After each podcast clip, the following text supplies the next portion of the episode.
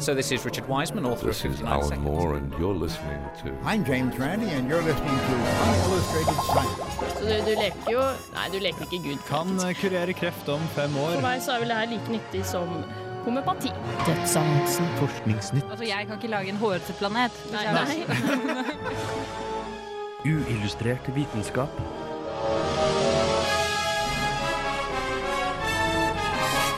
Science, it works, bitches.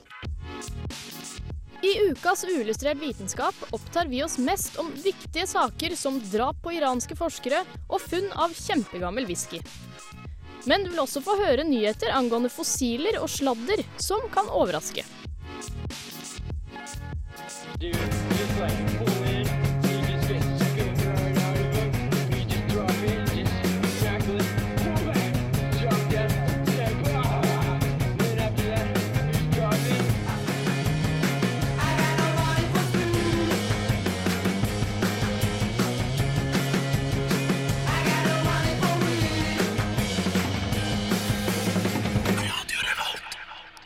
Hei og velkommen. Eh, Du hører på Uillustrert eh, vitenskap, og nå nettopp så hørte du eh, Fiddler med Got No Money. Og nå hører du på meg, Jeanette Bø. Hei. Med meg i studio Nei, det er feil, Sunny. Med meg i studio så har jeg Sø- Sunny Islam Hei. og Leivind Sigrud. Hallo. Velkommen. Eh, Det, det er Jeg har gjort meg merka. Nei, ikke jeg, men Ole Eivind har gjort det. Fordi han er veldig glad i whisky. Eller han er en av de, eh, de menneskene jeg kjenner som er mest glad i whisky. Jaha. Og det skal eh, Ja, det er helt sant. Eh, Så han skal fortelle om whisky senere i dag. Sunny er mest glad i drap på forskere, Det stemmer, det. så det skal han bidra med. Yes. Gleder meg Du er mest glad i Forskningsnytt. Jeg er alltid mest glad i Forskningsnytt, og det, det skal vi starte med. Men aller først så skal du få høre Grimes med Genesis.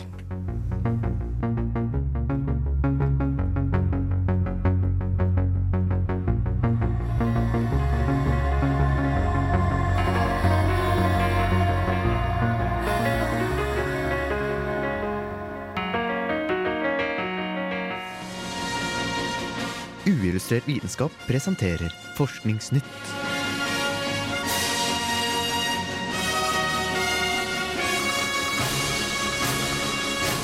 Forskningsnytt.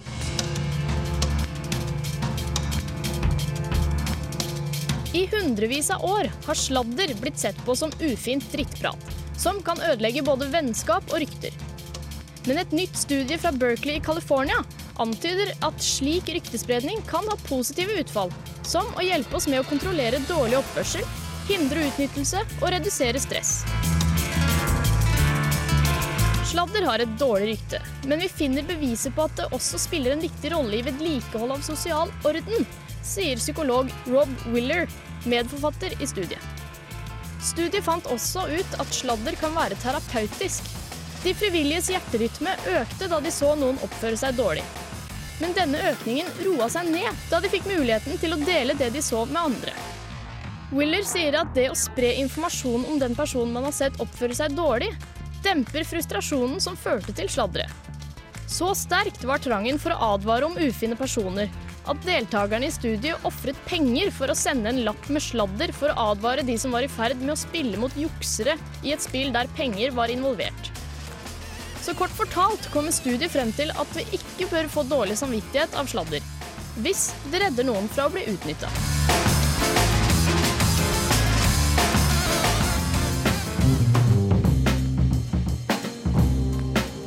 En hel haug av fossiler er akkurat blitt funnet. I et skap. Og noen av dem er faktisk blitt samla inn av selveste Charles Darwin. Disse fossilene har vært borte i 165 år, og ble nylig funnet igjen i British Geological Survey. Av paleontologen Howard Falcon Lang, som var nokså overraska over funnet. So I was working in the British Geological Survey uh, in Nottingham, which is a sort of big, they have a storeroom like a big drafty aircraft hangar. And uh, shoved into a rather gloomy corner, I found a, an old wooden cabinet, uh, which I, you know, curiosity got the best of me. I pulled open uh, the doors, looked inside, and almost uh, the first fossil um, I found inside held it up to the light, and there were the words C. Darwin Esquire.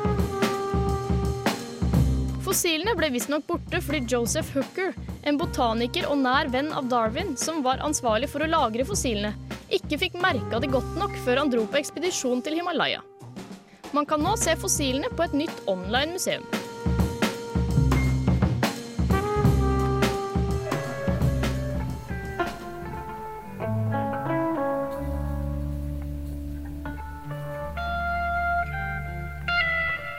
Ateister er en av de minst likte folkegruppene i Amerika. Bare 45% av den amerikanske befolkningen sier at de ville stemt på en godt kvalifisert ateist ved et presidentvalg. Og ateister er rangert som den minst ønskelige svigerdatter eller svigersønn. Will Gervais ved Universitetet i British Columbia har nylig publisert en rekke studier om hvorfor de er så lite likt. Konklusjonen hans var at det hele baserer seg på tillit. I det ene studiet ble deltakerne bedt om å peke ut hvilken person som de mest sannsynlig ville ansatt.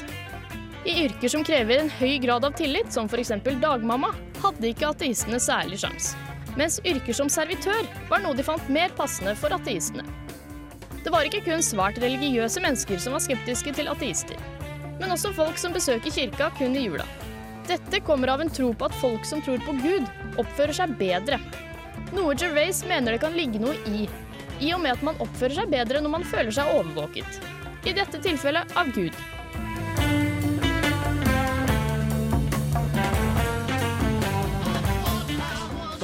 Brilliant. Nice. Nice levels. Thank you, Mr. Jackson.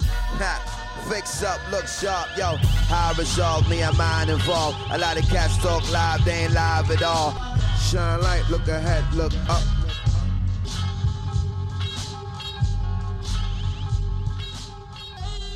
Du hører på Radio Revolt, studentradioen i Trondheim. Det stemmer. Og eh, det du hørte nå, var Black Star med Fix Up. Og eh, rett før det så hørte du godeste meg, som eh, presenterte Forskningsnytt.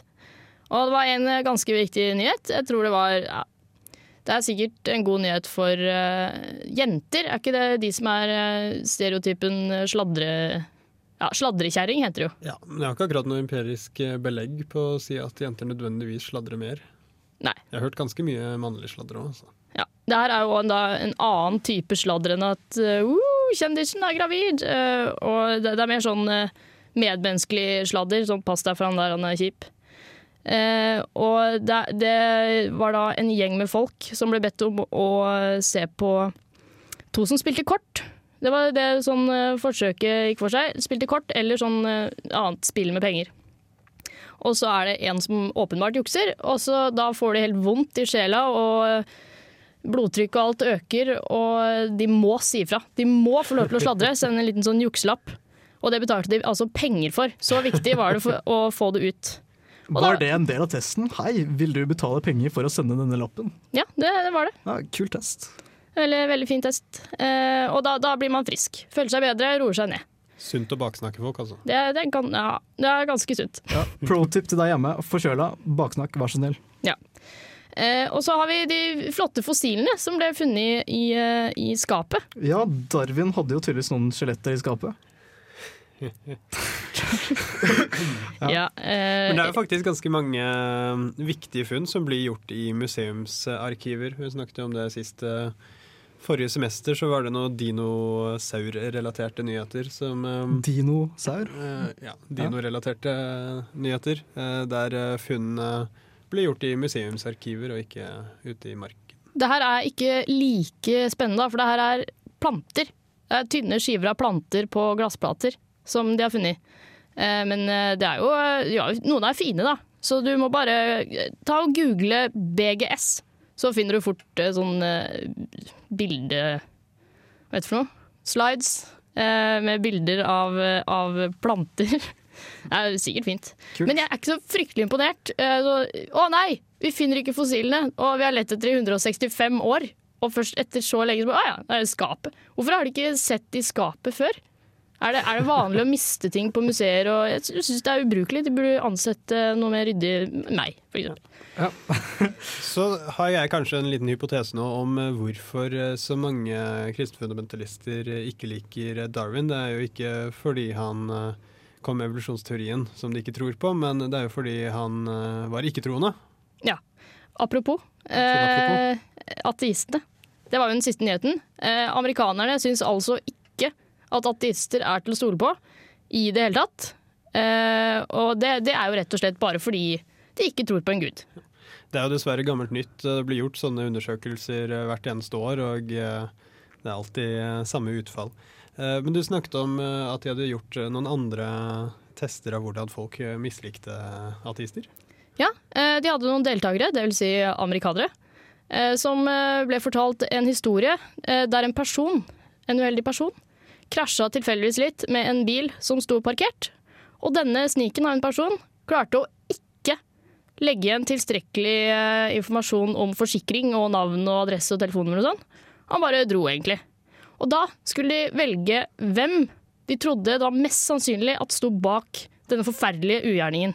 Og valgmulighetene var da kristen, muslim, voldtektsforbryter eller ateist. Så hva, hva tror dere de trodde? Det var vel eh, Altså, voldtektsmenn og ateister blir jo gjerne likestilt, da. Hæ? Ja, det stemmer. I USA. Det stemmer. Eh, helt riktig. Eh, null poeng til det. Eh, det er eh, Ateistene og voldtektsforbryterne gjorde det nøyaktig like bra. Så det verste som tiden. finnes, det er en eh, ateistisk voldtektsforbryter. Ja, det, det tror jeg faktisk er dødsstraff umiddelbart. Eh, De hadde også en eh, tiltest. Eh, De fikk se en liten Enten så fikk de se en liten reisevideo, eller en film av sånn 'her er det flott å dra'. Eller så fikk de se en film av en politimann som leste opp en årsrapport. Veldig, veldig morsomt. Og så skulle de si hvor enige de var med sånne påstander som 'jeg ville ikke latt en ateist passe på barnet mitt'. Og skulle si hvor enige de var. Og det viste seg da at de som hadde sett politifilmen, hata ikke, eller mislikte ikke ateister like mye. Hvorfor? Nei, det kan jeg ikke skjønne. Velkommen til QI. ja, eh, Gjett, da. Noe med autoriteter sett, og sånn? ja, ja, ja. Fordi det å se en politimann, det minte de på at det var noe annet som overvåka de òg. De ble passa på. Det, var, det minte de på at de, det, det, var ikke, det er ikke bare Gud som har, eh, har en finger med i spill her. her det, er, det er politi ute og går også. De er der også. Flott. Så da er ikke ateister ille. Du nevnte jo noe med at en av de mulige forklaringene på hvorfor folk misliker ateister så mye, er at de har denne tanken om at man ikke kan være god uten Gud. Eh, og i USA og Storbritannia og en del andre land så driver kristne organisasjoner stadig vekk og har eh, reklameplakater. Enten om at eh, ja, du blir frelst hvis du finner Jesus, men også sånn du går, brenner i helvete da, hvis du ikke finner den. Ja. Og da eh, har en del eh, ateistorganisasjoner bestemt seg for å ha lignende reklamekampanjer. Og de har variert fra mer bastante til eh, mindre eh, bastante og veldig OK slagord. da. Og det var én kampanje som de prøvde noen steder i USA og i Canada, der det rett og slett sto 'Du kan være god uten Gud'. Og det var faktisk et par steder, eh, både i Canada og USA, der den eh, kampanjen ikke fikk lov til å bli eh, slengt på bussidene. fordi det var en litt sånn ja, var litt for for sterk påstand. da. Den Ja. var for drøy. De forskerne her eh, håper også at det her kan kaste lys på det. De lurer veldig på hvordan ateisme plutselig har blitt så akseptert i andre land, og de nevner Norge og Sverige spesifikt. Og eh, da er det et kanadisk eh, studie da, som har svart med at eh, eh, folk som mener regjeringen sin er ustabil, har en større sannsynlighet for å bare velge å tro på en gud i stedet. Og det er de som tar over. Nok om Forskningsnytt. Eh, Sunny har noe på hjertet. Ja, nei, Jeg skulle egentlig ha om kuldedøden, men jeg fikk ikke tak i NTNUs ekspertpanel igjen. Men det er jo ting som har skjedd rundt omkring i Iran. Ja, Det skal vi få høre også etter Ceremony med Hysteria.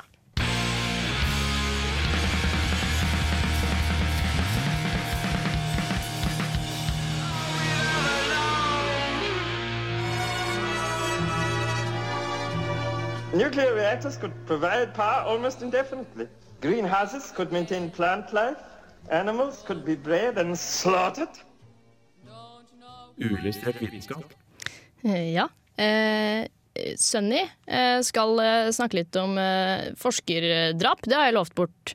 Og har du, har du lyst til å Maestro, har du lyst til å begynne? Start musikk! Pennen er mektigere enn sverdet, blir det sagt fra tid til annen. Men hvor riktig er dette? Dagens samfunn er basert på en utveksling av kommoditeter. Kunnskap er en av disse. Men hvor mye er kunnskap verdt? 1000 kroner? 1 million kroner? Er kunnskap i noen tilfeller verdt menneskeliv? For å opplyse deg mer om hvor høy prislappen på kunnskap egentlig er, setter vi nå av et ubestemt antall minutter for å snakke både rundt og om grøten. Dette er Uillustrert vitenskap, og vi snakker om når kunnskap blir en dødelig kommoditet. Ja. Yes, no. Nå snakker vi da selvfølgelig ikke om kommoditet som i kommode, men heller kommoditet som i kommoditet. Og aller først så vil jeg ta et lite historisk tilbakeblikk. La oss dra tilbake til strømkrigen, eller War of the Currents. Og da snakker vi ikke om strømkrigen mellom Hafslund og Trønder Energi, men heller mellom ACDC, ikke bandet, men selvfølgelig da Alternating Current og Direct Current. Like strømvekselstrøm. Kanskje. Jeg var på den engelske Wikipediaen, sorry. Uansett, Thomas Edison han var jo en eh, forkjemper for DC-strøm, og han eh, hadde investert masse penger i dette. Tullebukk. Tullebukk. Det, vi bruker jo AC i dag til det aller meste. Uansett, på den andre siden så hadde vi da Tesla, som var en forkjemper for AC, ikke tullebukk. Altså vekselstrøm, det. Han ble litt tullebukk etter hvert, da. Ja. Men, Han, han, han er også for så vidt med i min yndlingsfilm The Prestige, som jeg anbefaler alle å se. Uansett, Tesla og Thomas Edison de hadde et ganske bittert forhold. Dette hadde kanskje opphav i den tiden da Tesla var ansatt hos Edison. Hvor han mente at han ble undervurdert. I tillegg til dette så jobbet han ett år for Edison uten lønn. Og det sa Edison til Tesla. Jeg tror ikke du skjønner amerikansk humor. Til deg, Edison, så vil jeg si at jeg tror ikke du skjønner amerikansk humor. Uansett, AC er best, og det er AC vi bruker i dag. Men Edison han hadde jo da all opphavsrett på DC-strøm, og alle måtte betale royalties til han hvis de skulle bruke denne. Derfor var det veldig profitabelt for Edison å sverte AC. Og hvordan svertet han AC, spør dere? Jo, han eh, drepte faktisk dyr med AC-strøm under eh, diverse forskningsmesser. Ok, elefant gjorde ikke det engang. Eller, eller fant jeg det opp nå? Nei, nei, de fant ikke opp noe som helst. Det var blant annet elefanter også. Men det som var resultatet av dette, var at noen så det her, at han drepte folk med AC-strøm. Og da fant de opp den elektriske stolen. Men her kommer det ironiske. Edison var imot dødsstraff. Men eh, han Edison han var jo generelt eh, litt sånn tvilsom, da, spesielt eh, med tanke på pengeinnkreving. Så drev han litt sånn mafiaaktiv eh, virksomhet. Gudfar, altså. Ja. Og det er jo kritikkverdig, men det førte til én ting som ja, er veldig positiv, vil jeg si, men som også har sine negative sider, og det er nemlig Hollywood. Fordi Edison hadde jo patentet på uh, Eh, og eh, da, hvis man skulle lage film og vise film, så måtte man betale Edison.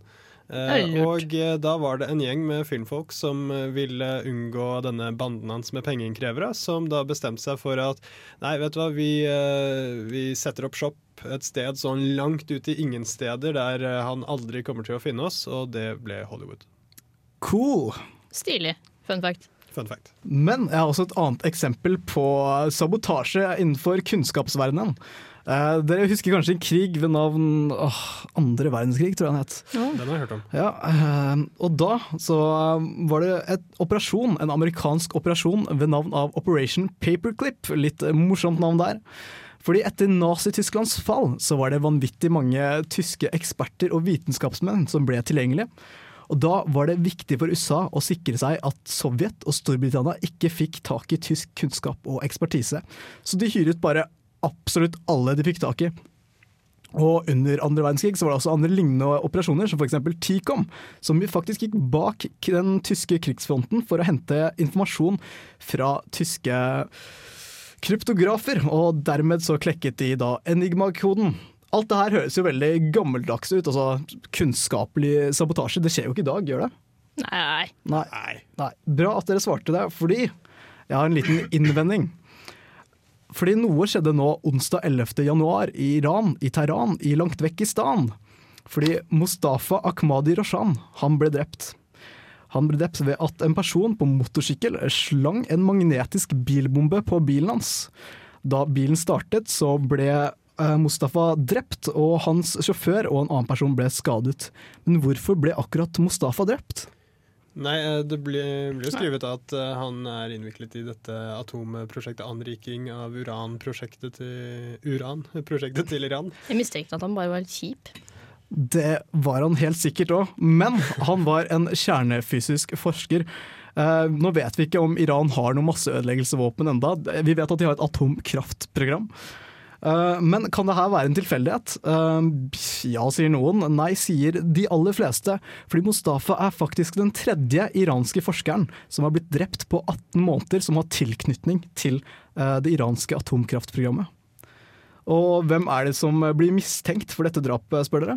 Vel, Iran peker vel til USA og Storbritannia, men de fleste andre peker vel til Israel? Ja, det er, eh, det er Israel og USA som er mistenkt. Og de skylder også på Det internasjonale atomenergibyrået, som blir styrt av FN, for å ha delt ut informasjon om atomkraftprogrammet og deres medvirkende. Men det har vært eh, flere angrep på dette fantastiske atomkraftprogrammet. Eh, men dette angrepet her er ikke fysisk. Dere har kanskje hørt om Stuxnet? Nei, det har jeg ikke. Nei, ok. Så bra, fordi jeg har også litt uh, informasjon om Stuxnet.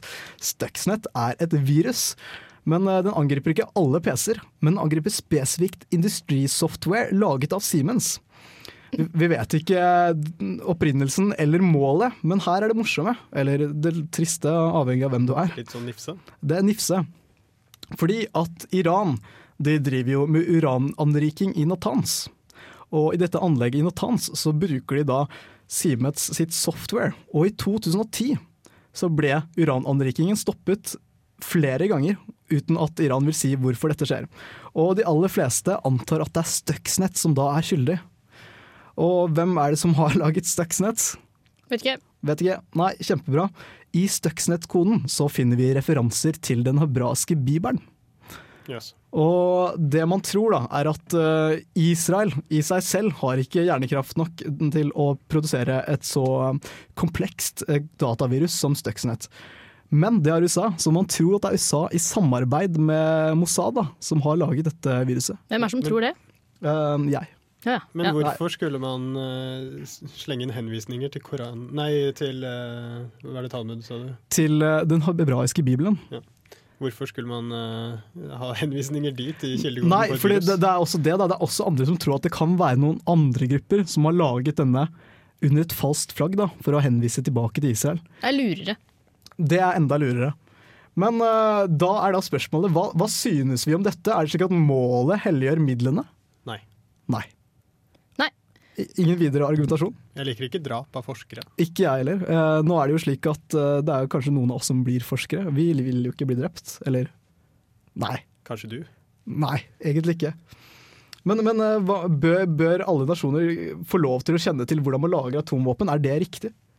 Nei, jeg driter i det. Ja, eller det var, det var vel eh, Det kom jo opp debatten med, med det der eh, fugleinfluensaviruset som ble skapt nå. Ja, så så um, ville jo ikke folk uh, at det skulle bli publisert. Uh, men der mener jo jeg at det bør publiseres, fordi man hadde det samme med svineinfluensaviruset, og det ble publisert, og det lærte man masse av. Så frihet av informasjon vil jeg bare si at man lærer mer av. Men uh, dere tror kanskje, hva, hva tror dere reaksjonen etter bilbommen var? Tror dere studenter ble redde for å søke inn til kjernefysiske mastergrader, eller? Ja, kanskje litt. Nei. Tingen er at uh, etter Det har økt. Hæ? Det har økt helt voldsomt. Det er 1000 iranske studenter som har spurt om å bytte masteren sin over til kjernefysikk. Ja. Ja, flott. Eh, vi fortsetter eh, diskusjonen på Twitter. Sunny, det er du flink til. Det er jeg flink til. Bra. Eh, vi skal selvfølgelig få høre litt om eh, whisky. Det skal vi få høre etter Night Beats med Puppet on a String.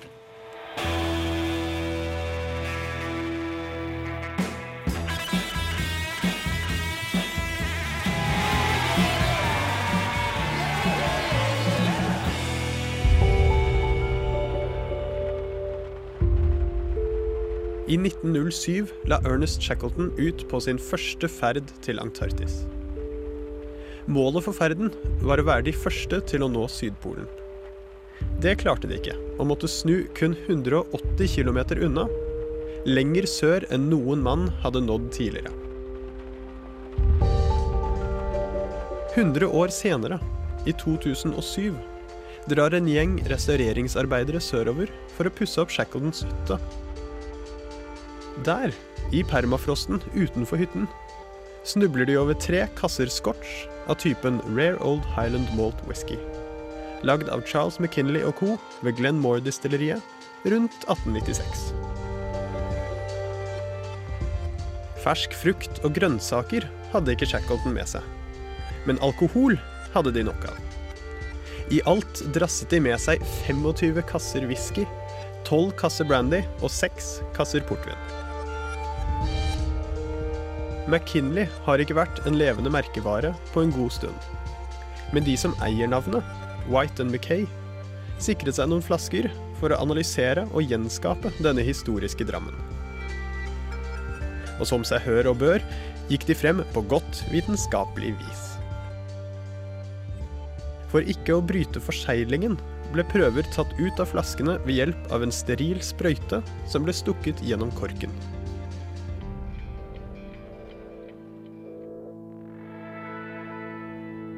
En rekke prøver gikk med til en grundig sensorisk analyse.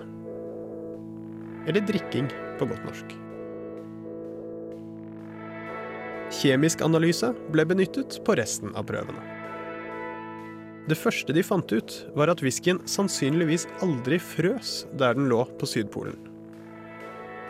Minimumstemperaturen flaskene opplevde, var nemlig 32,5 kuldegrader. Men med et alkoholinnhold på 47% ville den holde seg flytende et par grader til.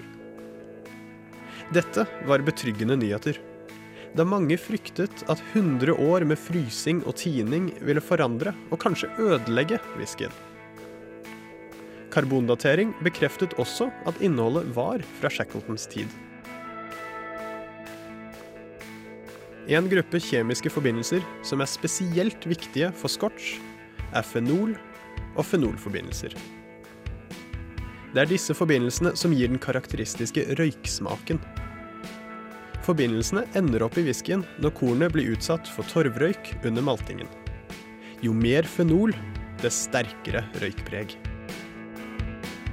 Analysen viste ikke kun fenolkonsentrasjonen, men også sammensetningen av kjemiske forbindelser som gjorde det mulig å si nøyaktig hvilken region torven hadde kommet fra, nemlig Orkney. På tilsvarende vis kunne de også avgjøre hva slags tønner whiskyen hadde blitt lagret på. Amerikanske eiketønner, som antagelig hadde først blitt brukt til lagring av vin eller sherry.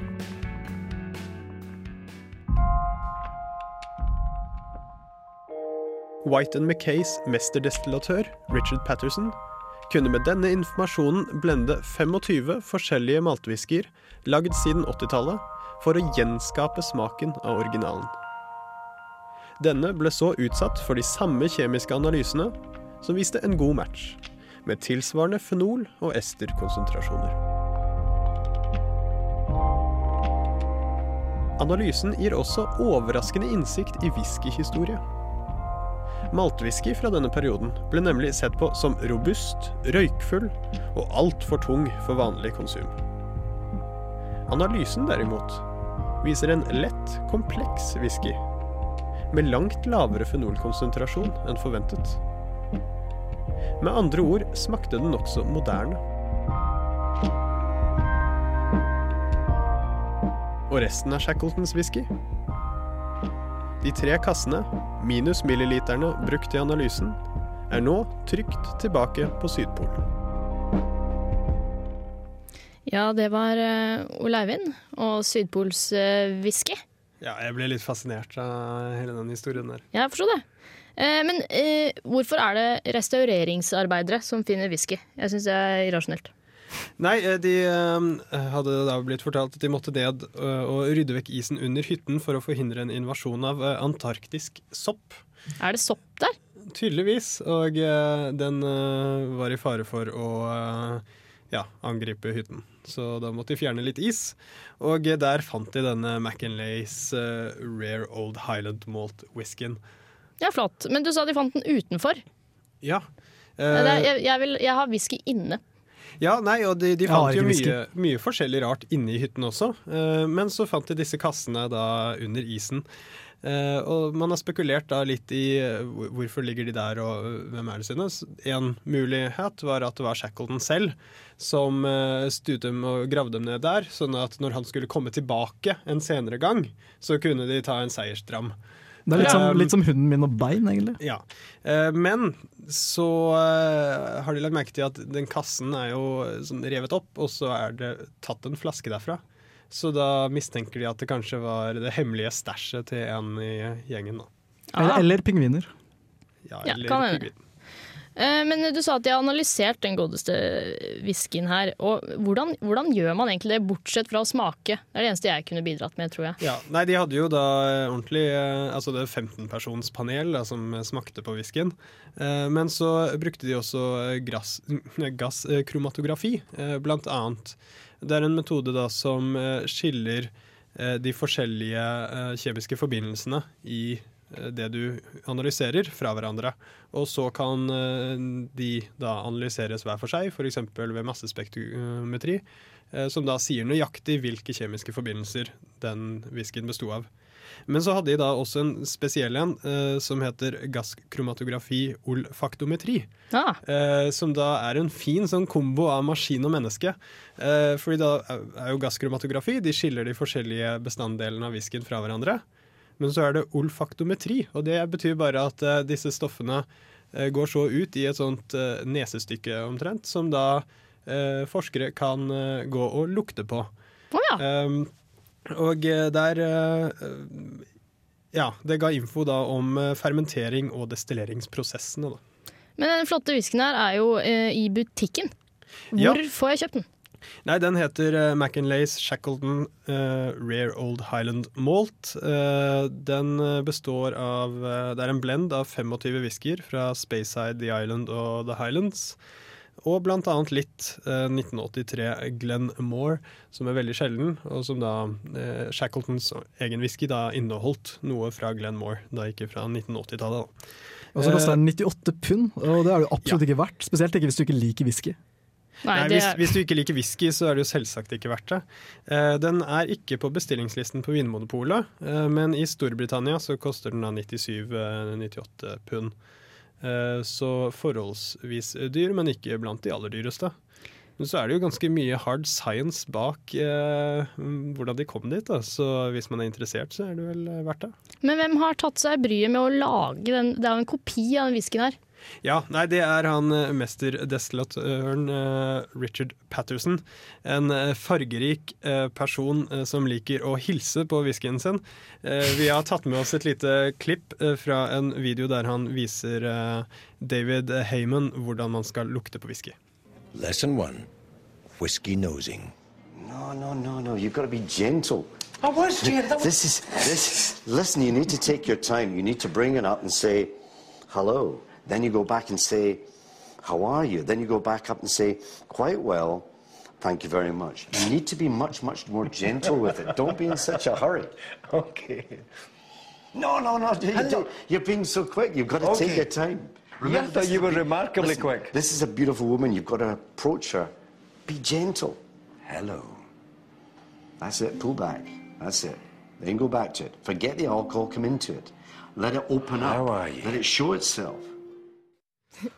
Det er Ja. slik du hilser på en eh, whisky. Um, ja, han destillatøren er jo da en fargerik person. Det Gal, Gal, øh, kanskje? Er fargerik. Fargerik. Slapp av. Fargerik. lettere eksentrisk. Uh, uh, og det synes jeg passer veldig godt, fordi han uh, Ernest Hemingway. Shackleton, var jo ganske eksentrisk selv, eller i hvert fall nokså fargerik. Han eh, var jo en ivrig uh, adulterer, hadde forhold uh, likte, ja, likte å dele uh, hustruene til andre menn. da. ganske godt. Og så likte han å gjøre ting på den mannlige britiske måten, som betyr den vanskelige og tåpelige måten. Bra. Um, altså, norske polferdere hadde jo allerede vist at den beste måten å orientere seg rundt omkring på de traktene, var med langrennsski og hundesleder. Eh, han hadde jo med seg ski, men uh, verken han eller noen av de andre mennene han hadde med seg, hadde giddet å lære seg hvordan man skulle bruke dem. Eh, Ja. og så hadde han jo blitt opplært av Robert Scott, og Robert Scott han hatet hunder. Fordi eh, hunder de var, de var jo så eh, langt fra gentlemanaktig at de kunne spise sine egne ekskrementer, så de eh, dyrene ville han ikke ha noe med å gjøre i det hele tatt. Eh, som førte til at eh, da Shackleton eh, skulle ned eh, til Sydpolen, så hadde de med seg ponnier. Som da selvfølgelig sank ned i eh, sneen og viste seg å være langt bedre mat enn eh, transportdyr. Eh, og så hadde de med seg en bil, som også drev og satte seg fast i isen hele tiden. Så Kjempefint. det er en ganske håpløs ekspedisjon. Um, men det som drev den videre, var jo da eh, egentlig ikke whiskyen. Den brukte de gjerne til å varme seg opp, men det var eh, Forced March-tabletter. Som da var eh, dagens Red Bull, som da var, rett og slett er koffinert kokainpiller. Ja, vi skal over fra whisky til, til schizofreni, rett og slett. Og det får du etter Nicholas Jahr med 'With Just One Glance'.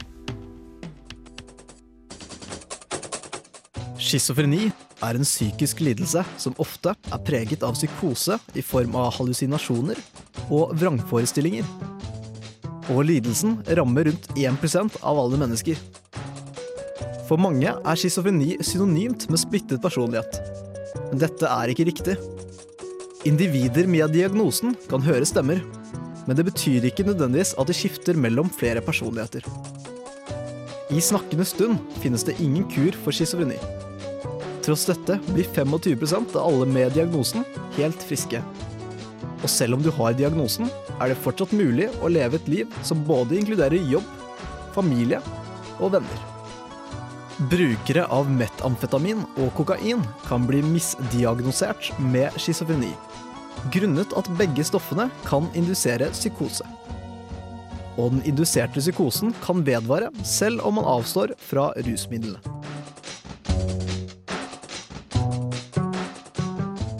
I'm James Randi, and you're listening to Unillustrated Science.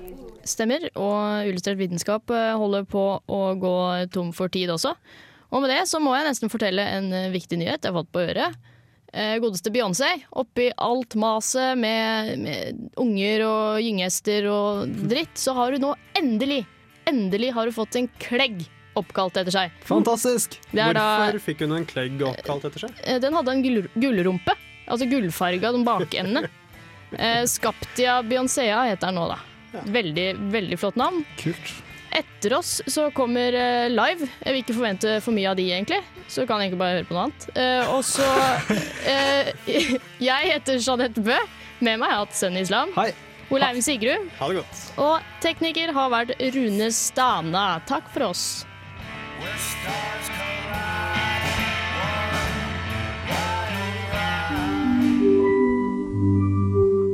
Uillustrert vitenskap er Midt-Norges eneste teknologimagasin på lokalradio.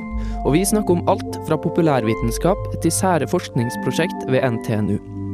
Radio Revolt, studentradioen i Trondheim, er stolt av å kunne presentere podkaster fra de aller mest populære programmene våre. Hvis du har lyst til å høre mer fra Radio Revolt, hvem vi er og hva slags musikk vi spiller, så kan du høre oss på FM-båndet i Trondheimsregionen, eller streame sendingene våre live på radiorevolt.no.